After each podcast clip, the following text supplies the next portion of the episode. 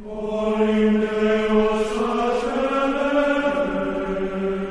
eerste steen van Le Notre Dame de Paris is in die 11de eeu gelê en die bouwerk daaraan is meer as 150 jaar later in die 13de eeu voltooi. In 1789 het die Franse Revolusie uitgebreek en in die daaropvolgende jare is baie elemente van die kathedraal beskadig of afgebreek.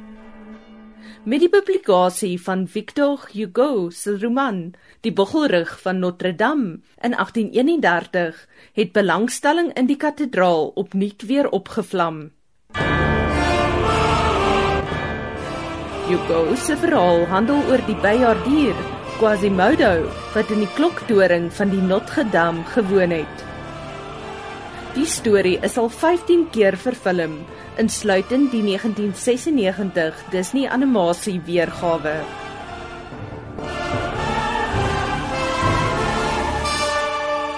Die rolprent se klankbaan is ook vir 'n Golden Globe sowel as 'n Oscar toekenning benoem. Morning in Paris, the city awakes to the bells of Notre Dame. The fisherman fishes, the bakerman bakes to the bells of Notre Dame. To the big bells as loud as the thunder, to the little bells soft as a psalm. And some say the soul of the city is the toll of the bells. The bells of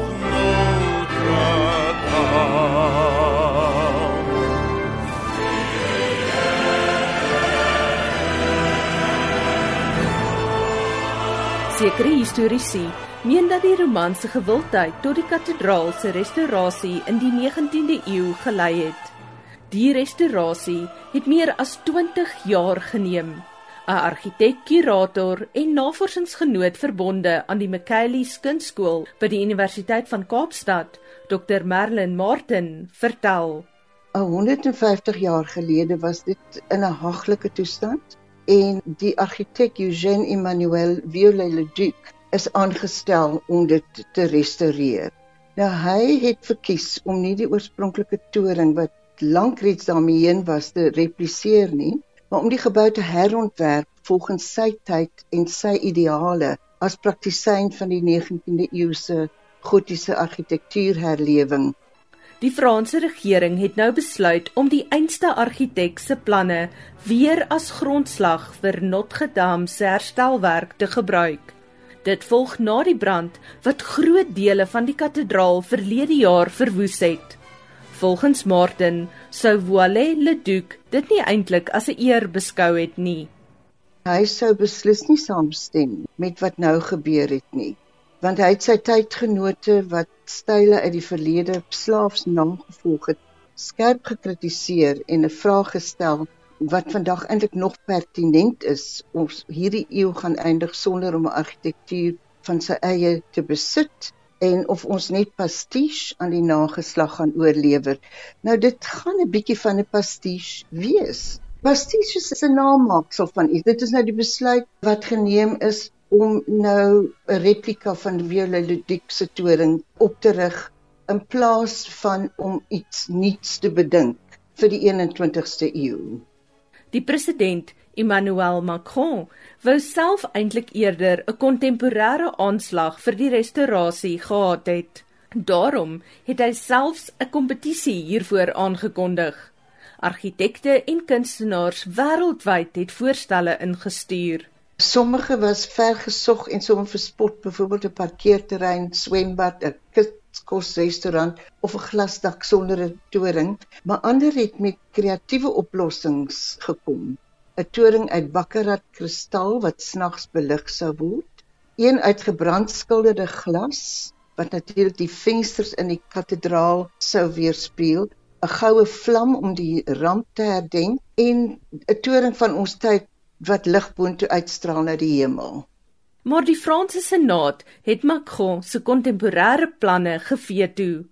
Martin sê dit kan nie weens historiese redes wees nie, want die 19de eeuse ontwerp het baie verskil van die oorspronklike een uit die 12de eeu. Om 'n gebou te restoreer beteken nie dat dit noodwendig bewaar moet word nie, Dit beteken dat dit herstel moet word in 'n toestand van volmaaktheid wat nie van tevore kon bestaan nie. Dit is die ideaal konservering. So ek sou sê dat 'n middeweg gevind moes word, een wat eer betuig aan die kathedraal en sy geskiedenis, maar wat ook spreek tot die 21ste eeu. En daar is nie gebrek aan idees en argitekte, ontwerpers en kunstenaars wat dit kan doen nie. Die talle voorstelle wat dadelik ingekom het, spreek boekdele van wat moontlik sou kon wees. Ek hou veral van die een wat 'n tegnologiese 21ste eeu toring sou wees wat lig boontoe uitstraal na die hemel.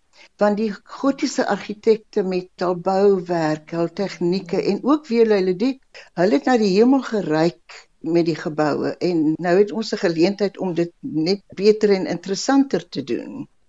Hoekom dan op die ou ontwerp terugval? Die besluit bied 'n makliker, minder omstrede oplossing. Die Senaat het verlede jaar besluit dat die restaurasie so na as moontlik aan die mees onlangse visuele voorkoms moet wees. Miskien het hulle bietjie geskrik vir die idee van 'n internasionale kompetisie, maar ek dink dit het ook veel te maak met Macron se begeerte om die werk teen 2024 voltooi te wees wanneer die Olimpiese spele in Parys plaasvind. Toe hy die tydvak voorgestel het, was dit baie omstrede. Meer as 1000 argitekte en ander deskundiges het gesê dat dit eenvoudig nie gedoen kan word binne die paar jaar nie. So here is a riddle to guess if you can sing the bells of Notre Dame. What makes a monster and what makes a man?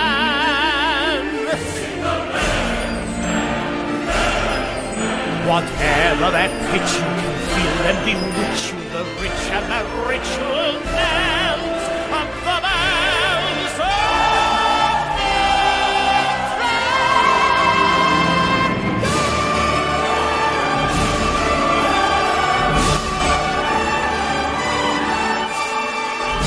Dit was Dr. Merlin Martin, 'n ere-navorsingsgenoot in kunsgeskiedenis en argitektuur by die Universiteit van Kaapstad. Ek is Anne Marie Jansen van Vuren vir SAK nuus.